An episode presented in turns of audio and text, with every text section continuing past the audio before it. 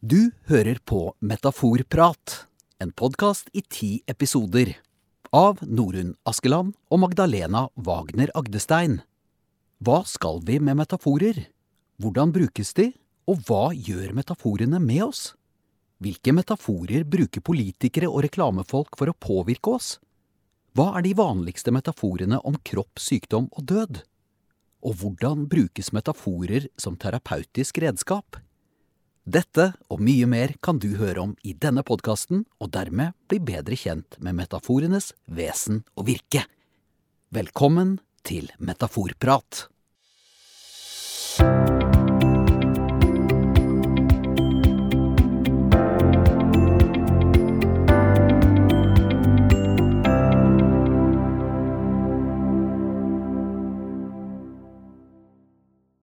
Velkommen til episode tre i vår podkast Metaforprat. Nå er vi altså i gang igjen etter en god og lang sommerferie. I de første to episodene tok vi først for oss politikernes metaforer i pandemien, og deretter var det medisinsk abort som var tema. Og i dag skal vi altså snakke om metaforer i politikk, og da først og fremst om metaforer brukt i valgkampen. I avisene holder journalistene oss daglig orientert om bevegelsene i valgkampen. Og det gjør de gjerne med talende metaforer i overskriften. Stigende meningsmålinger beskrives som oppturer, fallende som nedturer, og Erna skal ha fått seg en kalddusj etter en meningsmåling for den sittende regjering rett før valgkampen kom i gang. Men la oss nå se på metaforer som har stukket seg fram i diskusjonen blant politikerne.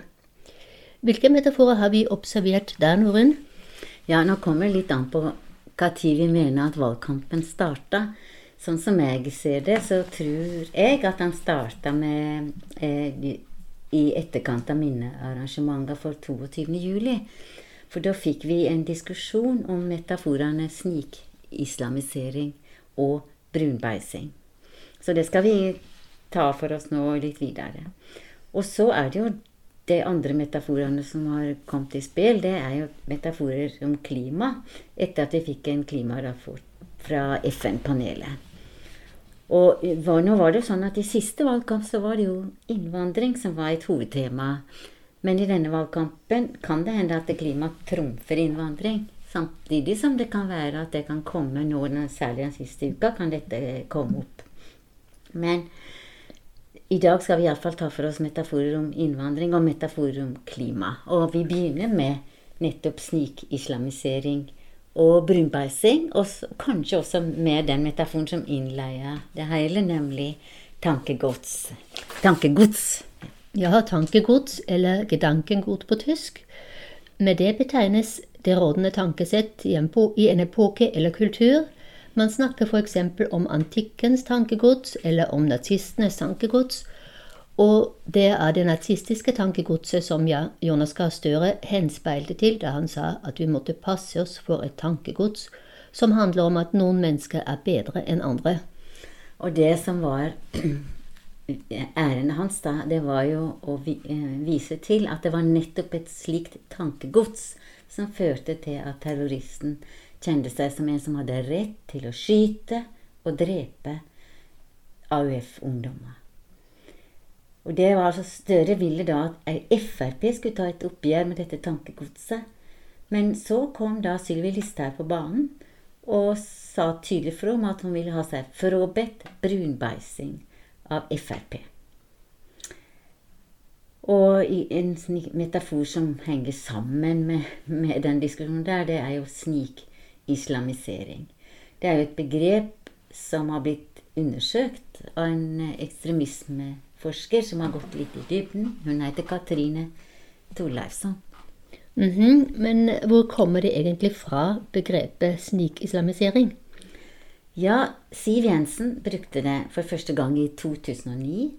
Og så blei det jo et omdiskutert begrep opp, helt opp til denne dag. Men hvis vi må gå enda lenger og tidligere tilbake, ganske langt tilbake, til eh, den såkalte Arabia-konspirasjonsteorien, eh, der eh, man tenker at at det er muslimer som prøver å ta over styringa av Europa. Dette er så gamle, gamle tanker. Eh, og det var disse tankene som terroristen Behring Breivik var påvirka av, som vi også finner igjen i manifestet hans. da. Og diskusjonen rundt dette begrepet har jo igjen vært knytta til Frp. Eh, særlig eh, Sylvi Listhaug har jo forsvart bruken av ordet. For hun sier at hun har en annen definisjon av begrepet. Men forskeren da mener at her er opphavet så tydelig at det er vanskelig å overse det. Ja, ja, det er jo nettopp dette som vi kaller diskursanalyse. Det at vi følger begrep gjennom tid. Både fortid og nåtid, ikke sant? Ja, og det med diskurs, diskurere, det betyr jo egentlig å løpe hit og dit. Ord går hit og dit i ulike miljø, og får betydning ut fra det. Eh, Tybring, Christian Tybring-Gjedde han insisterer f.eks. på at han legger noe annet i snikislamisering enn det Arabia-konspirasjonsteorien og det høyreradikale baklandet gjør. Men, men, så er det jo sånn, da, og det vet jo vi som arbeider med tekst og diskursanalyse, at det, det er ikke så enkelt at en kan se bort fra at ord har en fortid. Ord er mangetydige, og de blir brukt på mange måter. Og det er konteksten som er med å avgjøre hva andre legger i ordet. Ja, og disse betydningene spiller jo med når vi bruker ordet. Ja, det er helt klart det. Og du kan ikke alltid bestemme hva ord skal bety. Eh, vi som driver med forskning, vi vet at vi, må, vi skal bruke et begrep som vi forklarer hvordan det har vært brukt gjennom tiden. Og så må vi i neste runde også si at vi bruker det sånn og sånn. Eh, og, det, og i politikken bør man kanskje også gjøre det, for der er det så mange som lytter til deg, og de tenker jo sitt om de orda som blir brukt. Og Derfor så må vi også holde tunga beint i munnen da, og skille mellom religion og ideologi, f.eks. i disse spørsmålene. Fordi når Tibrin Gjedde sier at vi, vi, må se på fakta Vi kan skrote metaforen snikislamisering, sier han. Vi må se på fakta. Som det at islam er en selvhevdende og ekspansiv ideologi. Sitert at han. Da får han altså svar fra en forsker ved Menighetsfakultetet som slår fast at islam er en religion og ikke en ideologi. Og denne forskeren sier videre at en felles verdi i Norge er respekt for religion. Men det er i alle fall positivt at politikerne viser en viss interesse for metaforer i språket, at de innrømmer at metaforer betyr noe, og at det er viktig hva vi legger i dem. Ja, det er kjempefint. Og det har vel aldri vært så mye språkbevissthet blant politikere som i, i de seinere åra. Og når vi vet at metaforer er åpne, så vi, vet vi at de kan tolkes på flere måter, og at det måten vi forstår det på, henger i hop med hvordan det har vært brukt før. Så metaforer er en del av historien vår. Men det er vel ikke alltid så lett å få øye på metaforene. Mange av dem er jo rett og slett klisjeer og altfor velbrukte. Ja, dessverre er det jo sånn, da. Men vi greier oss ikke uten klisjeene. Vi, vi, bruker det, og noen som kan bruke det er veldig produktivt. Det er jo en journalist i Aftenposten som heter Kjetil B. Alstaheim. Han er god til å få klisjeene til å framstå som kreative metaforer. Han bruker dem, men på en kreativ måte. Og Den siste overskrifta jeg så fra hans side, som var slik, det var 'Allsang på sperregrensen'. I en tekst som handler om de små partiene som kanskje ikke får utviklingsmandat, men de kan møtes ved sperregrensa mm. og synge litt. Så skriver han, bruker han det Vi snakker om å gå fram og gå tilbake osv. på meningsmålingene. Og nå skriver han f.eks. at Ap har tidligere gjort et byks framover. Men nå, ut, halvt ut i august, så var det ikke noe byks allikevel. Og derfor må de forhandle med Sp. Og da vil Vedum komme til forhandlingsbordet med en valgvind i håret han ikke har. Eh, og så var det dette med å bykse, da. Men det er nå én ting. Men du kan få trippe. Du kan trippe farlig nær sperregrensa, sier han. Og det, SV, det gjorde bl.a. SV i 2013. Og Om det skjer igjen, så blir Lysbakken minstemann. Og da kan han ikke få velge først. Så dette hele tida spiller på disse klisjeene og gjør det litt mer levende. Og da forteller han også at Venstre går fram og klatrer over sperregrensa for første gang på lenge. Da ser vi disse venstrepolitikerne som klatrer. Vi ser det liksom for oss nettopp ved å bruke ordet 'klatre'. og så er det jo dette med at klima har også kommet inn på alle parti sine løpesedler, om de kaller det. Men som Alstein skriver, da, om dette er en grønn bølge eller et grønt skvulp, det er for tidlig å si. Og da tar han da klisjeen grønn bølge, og så velger han ut en del av det vi kaller for kildeområdet, nemlig vann. Og så lager han metaforen grønn skvulp. Og det blir da en slags leik med klisjé og en fornying av metaforen. da. Og dette var jo da gjort eh, Denne kommentaren som jeg nevner her, den kom i midten av august.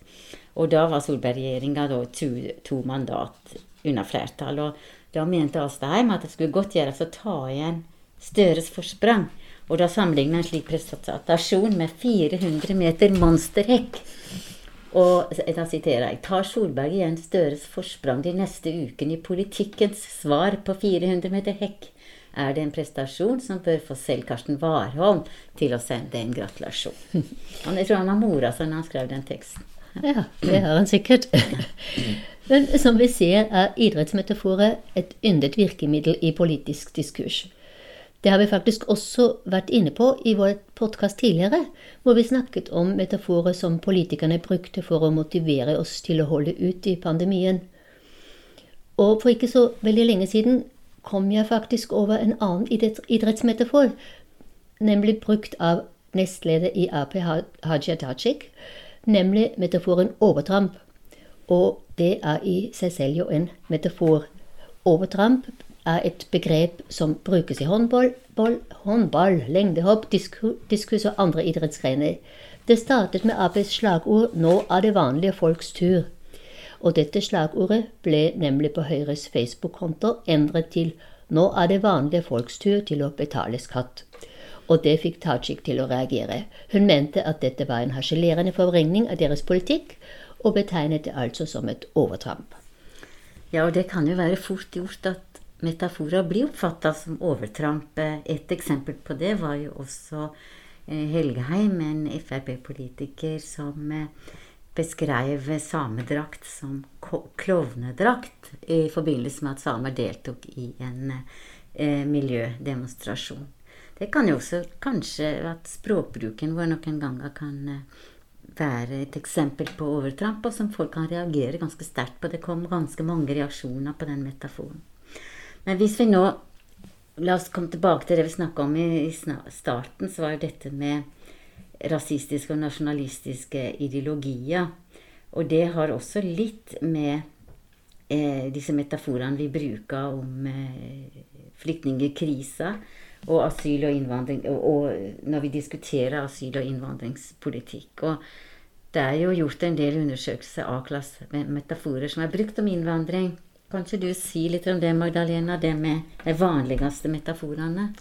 Ja, da tenker jeg først og fremst på bølge- og flommetaforen. Altså tankerammer som forbindes med naturkatastrofer. Ord som immigrasjonsbølger og flyktningstrømmen er forresten ikke forbeholdt norske debatter. Tilsvarende uttrykk brukes også i den amerikanske, engelske og tyske debatten om innvandring. F.eks. har metaforforskeren Charteris Black undersøkt hvilke metaforer som ble brukt om innvandring i konservative og liberale engelske aviser. Og han kom fram til at bølge- og flommetaforer var hyppig brukt om innvandring av både eh, sentrumspolitikere og politikere på ytre høyre. Og en svært utbredt annen metafor er beholdermetaforen. Det vil si at man tenker om landet og nasjonen som en beholder, med en ytre begrensning, altså grense, og et bestemt indre volum, eller volumet innenfor. Og denne beholderen er full. Sprekkfull til og med. Og noe som er sprekkfullt, kan, som vi vet, eksplodere, og da er det snakk om et indre trykk som blir for stort. Altså presse på ressurser i landet. Både bruken av uh, katastrofemetaforer og beholdermetaforer om innvandring er velegnet til å skape frykt, sier Charteris Blake. Og det gjør de på hver sin måte. Katastrofemetaforer kan vekke frykt for inntrengning utenfra, altså at innvandring f.eks. assosieres med en truende flotbølge. Beholdermetaforer derimot vekker frykt for et for stort indre press, og da kan det føre til at beholderen rett og slett sprekker. Ja, for det blir det da på en måte et press på ressursene i landet. Man, det blir flere som skal dele på det som kanskje man ikke har lyst til å dele på. da. Og dette er jo snakk om metaforer som vi bruker om innvandring. Det har vi altså sett i mange land, og vi har sett også i norske av medier, eh, både aviser, fjernsyn osv. Men så er det noen metaforer som ble brukt som i, i denne debatten, da, som kan, likevel kan sees på som eh, særnorske. Da tenker du kanskje på gullstolmetaforen og metaforen godhetstyranni? Ja, absolutt. Og dette er jo metaforer som stammer fra en som etter hvert kanskje kan kalle metafordronningen i norsk politikk. Det kan vi komme tilbake til. Men eh, denne metaforbruken som du nevner her, den var jo et resultat av hendelsene i høsten 2015. Da kom det altså 5500 flyktninger over grensa ved Storskog. Og da kommunen som skulle ta imot deg, Sør-Varanger kommune, hadde 10 000 innbyggere og måtte iallfall innlosjere 3500 av disse. Og det skjedde uten at befolkninga protesterte. Og det kan være at befolkninga husker at deres område sjøl hadde blitt herja av krig, særlig andre verdenskrig. Og de fremdeles hadde i minne hvordan folk ble drevne på flukt og mista heimene sine. Ja, hendelsene ved Storskog utløste en omfattende politisk debatt i norske medier. Debatten ble sterkt, uh, var ble sterkt polarisert, ikke minst etter at Sylvi Listhaug overtok som innvandrings- og integreringsminister i september 2015. Det var jo hun som introduserte metaforen godhetstyranni, og hun mente at dette tyranniet red det norske samfunnet som en mare. Hun siktet da særlig til at biskopene hadde karakterisert regjeringens såkalte innstrammingspolitikk som inhuman. Ja, og det er jo interessant at Eh, biskopene de snakka da eh, i, i, uten noe særlig metaforer og prøver å protestere mot, eh, mot eh, den politikken som regjeringen fører, men får da, blir da møtt med en metafor. Og så er det dette med at hvis de da skulle fortsatt diskusjonen, så hadde det vært viktig om de greier å finne en motmetafor. Nå var det ikke biskopene som gjorde det, men det var bl.a. Jonas Gahr Støre når han eh, sa at nå har vi en flyktningdugnad.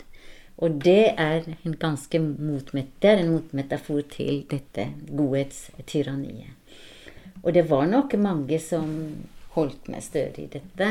Og Erna Solberg ble jo kritisert for å tillate den retorikken som Listhaug brukte i den debatten. Ja, men det hjalp ikke så mye, for det kom jo andre metaforer i samme gata. Og da tenker jeg på Listhaugs utsagn i flyktningdebatten, hvor hun uttrykte at man ikke kan bli båret inn på gullstol i Norge. Nei, da må man kanskje være idrettsstjerne i så fall. ja, ja. Men hvis vi nå kommer tilbake til disse dagsaktuelle metaforene, da. Så klima, det er jo noe som er heftig diskutert, og det er det mest aktuelle temaet. Det er jo mange som har peka på det at eh, det henger veldig sammen med flyktningspørsmål og innvandring. Og i den publiserte rapporten som ganske nylig publiserte rapporten fra FNs klimapanel, så får vi jo vite at katastrofene vil stå i kø de neste 30 åra. Arter kommer til å dø ut, og økosystem vil kollapse. Det kommer til å bli mange epidemiske sykdommer. Det kommer til å bli veldig varmt, og havet kommer til å stige. Det blir mer ekstremvær. Det har vi jo allerede sett. Hetebølger, branner og flommer. Og til og med byer vil måtte forlates. Og det har også sett sine spor i språket. Hva tenker du på her? Jeg syns jo det er interessant at det har kommet yrke, forskjellige yrkesgrupper. Klimapsykologer og klimafilosofer, f.eks. Klimapsykologene skal hjelpe folk med klimaangst. Filosofene snakker om økosorg for arter som er utdødd, og for ødelagt natur. Og det er jo klart det er jo en metafor. Økosorg. Den peker på at vi sørger over noe som er tapt. Og vi får oss en kjensle av avmakt over det som skjer med naturen og med klimaet. Men filosofene som bruker denne metaforen, der mener det er viktig å sørge. Vi må ta inn over oss at dette skjer. Det kan også være en sporete handling, mener mange da. Men andre igjen tenker at vi burde kalle det økosinne for å få fram det at nå må det handles. Det krever handling, for det er en alvorlig situasjon. Og det som er eh, mange mener, er jo at vi må stanse Hvis vi skal greie å stanse at temperaturen stiger, og at, at vi kommer mot 1,5 grad, så trengs det umiddelbare og kraftige utslippskutt. Og at det kan Norge også gjøre noe med. Men så er partiene litt uenige om hvordan en skal komme dit, da. Ja, og hvilke metaforer er det politikerne bruker om klimaspørsmålet? Ja, Det er litt ulike alt etter standpunkta de har, da. De Grønne og partiene til venstre de snakker jo om kutt i oljeproduksjonen. Og de snakker også om forbud mot dieselkjøretøy i byer. Arbeiderpartiet derimot er mer industrivennlig og snakker om at vi skal gå fra oljeeventyr til industrieventyr. Og det er jo da metaforer begge to. Men vi skal gå gradvis fra, også metafor, og vi skal bygge ny og klimavennlig industri på skuldrene av oljeindustrien. Enda en metafor. Og når noen partier der snakker jeg jo mer om å angripe andres klimatiltak, andre partis klimatiltak. Og de mener, noen mener at klimatiltakene blir for dyre. Da. Så det henger jo litt i hop med rettferdighetsspørsmål, dette. da. Mm. Men vi bør kanskje også kaste et blikk på metaforer som over tid ble brukt om klima, altså før FNs klimarapport kom. Jeg vet f.eks. at Alice Stegnen har gjort en undersøkelse i 2011 hvor hun analyserte metaforisk språkbruk i tekster som var skrevet av to grupper med motsatt syn på klimaendringer. Hun studerte med andre ord klimafor klimaforkjempernes og klimaskeptikernes metaforer. Du kjenner jo sikkert til denne studien du også, Norunn. Eh, kan du si litt om den? Det som jeg syns er veldig interessant der, var jo at eh, det som var miljøforkjempere, der brukte ganske mange metaforer i argumentasjonen sin. Og de brukte sånne tydelige metaforer som sa at vi er i ferd med å slå av Golfstrømmen, akkurat som det skal være en bryter. da. Og de snakka også om global oppvarming som en sjukdom, de, som hadde lang inkubasjonstid. Og det er altså en metafor for å spille på kunnskapen vår om at det kan være for seint å behandle sykdommen når han først slår ut med full styrke. Men den andre gruppa, de som var klimaskeptikere, de hadde en bærende metafor, og det var metaforen om moder jord. Da blir naturen framstilt som ei dyktig og rolig mor med uregjerlige barn som slett ikke lar seg forstyrre, for hun har jo opplevd verre ting i millioner av år. Så det er jo veldig interessant forskjell dette at miljøforkjemperne hadde mange, mange flere innganger og mange flere metaforer, mens klimaskeptikerne de konsentrerte seg om én systematisk og grunnleggende metafor, altså moder jord, som de da stolte veldig på, som tankeramme for argumentasjons. Mm -hmm. Og her i Norge har vi klimapsykologen Per Espen Stoknes, som i sin avhandling av 2011 har analysert økonomiske metaforer om politikk. Han mener at vår tenkemåte er så gjennomsyret av penger, og at vi trenger noe annet enn penger og hensyn til kostnadseffektivitet for å verdsette naturgoder. Blant annet lanserer han helse og forsikring som mulige tankerammer. Og han hevder at hvis vi f.eks. omtaler og forstår klimautfordringer som et spørsmål om helse til planeten og alt som er på den, da blir spørsmålet om klima mye nærmere enn for oss alle. Eller vi kan bruke tankerammen forsikring, slik at vi i vår tenkning går ut fra at vi kan forsikre oss mot klimakatastrofer, akkurat som vi kan forsikre oss mot ulykker. Men så har vi også senere forskning om klimakrisen og konsekvensene av den. Eh, og det kan du sikkert fortelle litt eh, noe om, eh, Norunn? Ja, og jeg tenker at det Stoknes, som du sa her nå om det Stoknes sin tankegang om å bruke helse og forsikring som mulig tankerammer, det får jo nettopp dette spørsmålet mye nærmere oss. Og mye tettere på livene våre. Og det gjør også en, en annen klima- eller forsker en som heter Rasmus Karlsson. Han har vært litt opptatt av å finne ut at metaforen er uttrykk for måten vi tenker på. Og prøver også å bringe dette spørsmålet nærmere oss. Og han har vært opptatt av å prøve å sammenfatte da, forskninga om klima i den tidsepoken som jorda nå er inne i. Den som også har vært kalla for antroposen, eller menneskets tidsalder. da. Og han mener da, og det mener jeg med rette, at metafor og metaforisk tenking det spiller en grunnleggende rolle både i politiske debatter og i utforming av eh, politikk, altså for framtida vår. Mulighetene for framtida. Og der har han da tre metaforer for klimakrise og løsninger på dette her, da. En veldig utbredt forståelse det er at mennesket har satt sine fotavtrykk på jorda. Og det er jo da i tida etter den industrielle revolusjon, og at dette har ført til avskoging og, og tap av artsmangfold osv. Utslipp av klimagasser. Ikke så lenge siden så hørte jeg eh, en sier på radio at jeg prøver å sette så lite fotavtrykk som mulig. Og han kaller også denne metaforen for det økologiske fotavtrykket.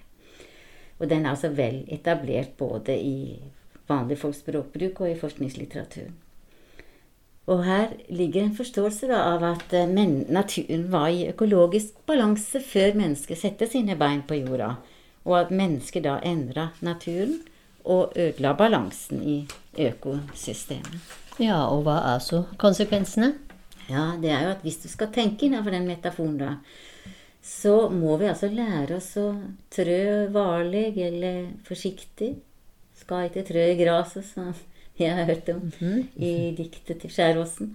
Og vi må redusere forbruket vårt, og vi må rett og slett avvise den globale kapitalismen, for den gjør ikke noe godt for miljøet vårt. Ja, men Du snakket om tre metaforer som Carlsen presenterer i sin studie. Ja, og så er det jo en litt sånn fantasifull metafor. Han kaller for rakettmetaforen. Den har et veldig dynamisk perspektiv på hvordan mennesker utvikler seg. da. Og tenker også at kan, det kan komme en sosioteknologisk revolusjon der vi koloniserer rommet og solsystemet. Der kan mennesker slå seg ned og leve gode liv. Nå er det vanskelig å vite hva politiske konsekvenser en sånn metafor vil få, da, så jeg skal ikke gå inn på det her. Men jeg syns den tredje metaforen han bruker, rullebanemetaforen, den ligner mye på sånn som klimaspørsmål eh, blir eh, behandla i dag, da, eller er, utspiller seg i dag. For da blir nemlig menneskelig sivilisasjon den er sammenligna med et fly. Og det moderne samfunnet er med en rullebane. Og da er det flere utganger her. Flyet det kan ta inn i det ukjente. Vi kan også rygge tilbake til tidligere og enklere tilstander. Eller det kan til og med krasje på rullebanen før det tar av. Men så er det jo det vanskelig da, at passasjerene som er inne i flyet, de veit jo ikke hvor lang rullebanen er, for den er gjemt i skodda der framme. Og de kan heller ikke kalkulere helt hvor langt flyet har kommet, og hva som gjenstår av rullebanen. Dette vet jo alle som har vært med å fly, vært ute og flydd, at det er ikke alltid så lett å få oversikt over sånt. Og et enda større problem det er at passasjerene ikke engang veit at de er i et fly. Og at andre igjen, kanskje av metafysiske eller religiøse grunner, ikke tror at det går an å fly i det hele tatt. Og så er jo dette den første flyturen, så det er heller ikke sikkert at flyet kan fly. Og det er, helt, det er ganske usikkert hva fart flyet skal ha. Og så er det jo det at når flyet først får en viss fart, så er det for seint å stoppe. Og så kan vi tenke oss at det er folk som vil prøve å få flyet opp. Og andre vil ikke at det skal ta av i det hele tatt. Og disse gruppene de slåss mot hverandre inne i kabinen. Og da blir det kaos. Og det tenker jeg at det er et ganske godt bilde på disse metaforene, det som er i spill i dagens eh, klimadebatter. Og når Karlsson sier at alle tre metaforene er representert i miljødebatten, så mener jeg vel at vi har vist litt av det før nå. Men det, det er jo også metaforene kan være en hjelp til å forstå klima- og miljøspørsmål, og kan kaste lys over viktige spørsmål i framtida, som kanskje er viktige moralske spørsmål for oss alle. Og jeg tenker særlig på det jeg var litt sånn nedslått etter at det hadde vært Oslo var nedstengt, og ungdommen hadde inntatt parkene med sine potetgullposer og flasker og plastikkposer. Så hadde de rett og slett bare forlatt det sånn, og opptredde da som det med en metafor vi kanskje kaller miljøsvin. Og det er jo litt trist, for da mister man på en måte litt truverdet og, og, og, og, respekten for denne saken når man ikke syns den gjør den viktigere enn som så. Mm. Men hvilke metaforer er det som virker, som får tilslutning fra folk? Ja, det har jo vært undersøkt i flere sammenhenger, men vi har et ganske ferskt eksempel. Og det var partileierdebatten i TV 2 nettopp. Der var det et bakrom med eksperter og folk flest som skulle vurdere politikernes innlegg og kåre den som var vinner av debatten. Og da var det den som er kåra som klart best, det var jo Sylvi Listhaug, metafordronninga, som jeg sa, som sa at de rød-grønne politikerne sto og så rett på dem og sveipa over dem med handa og sa det liker å piske og plage folk. Og da brukte hun da den, disse metaforene for å illustrere at hvis partiene ville øke avgiftene knyttet til olje og bensin. Og dette er jo da en tydelig, eller tydelige metaforer som karakteriserer motstanderen, og det var knytta til et emne som var viktig for folk, nemlig bilkjøring og kanskje også reising. Så det kan jo være en av grunnene til at hun ble kåra til debattvinner. Fordi hun greide å karakterisere motstanderen. Men nå er det snart inne for å, tiden er snart inne for å runde av. Så la oss til slutt reflektere litt rundt ordet valgkamp, som jo også er en metafor. Som alle vet, finnes medkjempere og motstandere i en hvilken som helst kamp. Og det, er, det ligger i kampens natur at den ender med en seier og et nederlag, at det vil bli en vinner og en taper. Men til slutt skal motstanderne komme dit hen at de kan i, eller ta hverandre i hånden, tenker jeg. Slik skal det være både etter en fotballkamp og også etter en valgkamp i et demokrati. Da må liksom stridsøksen legges ned til fordel for samtidig, framtidig samarbeid for landets beste, noe som i Norge jo så langt har fungert. Men at det ikke er noen selvfølge, har vi sett eksempler på i den senere storpolitikken. Og i den sammenheng er det nesten litt fristende å minne om ordet tankegods, som vi snakket om innledningsvis. Men nok om det, nå må vi virkelig slutte. Ja, men først må vi fortelle om hva vi skal ta for oss i neste episode av Metaforprat. For der skal vi bl.a. snakke om metaforer om kvinner, og metaforer om vin. Så da står det bare igjen å ønske hverandre lykke til med valget i 2021. Lykke, lykke til. til.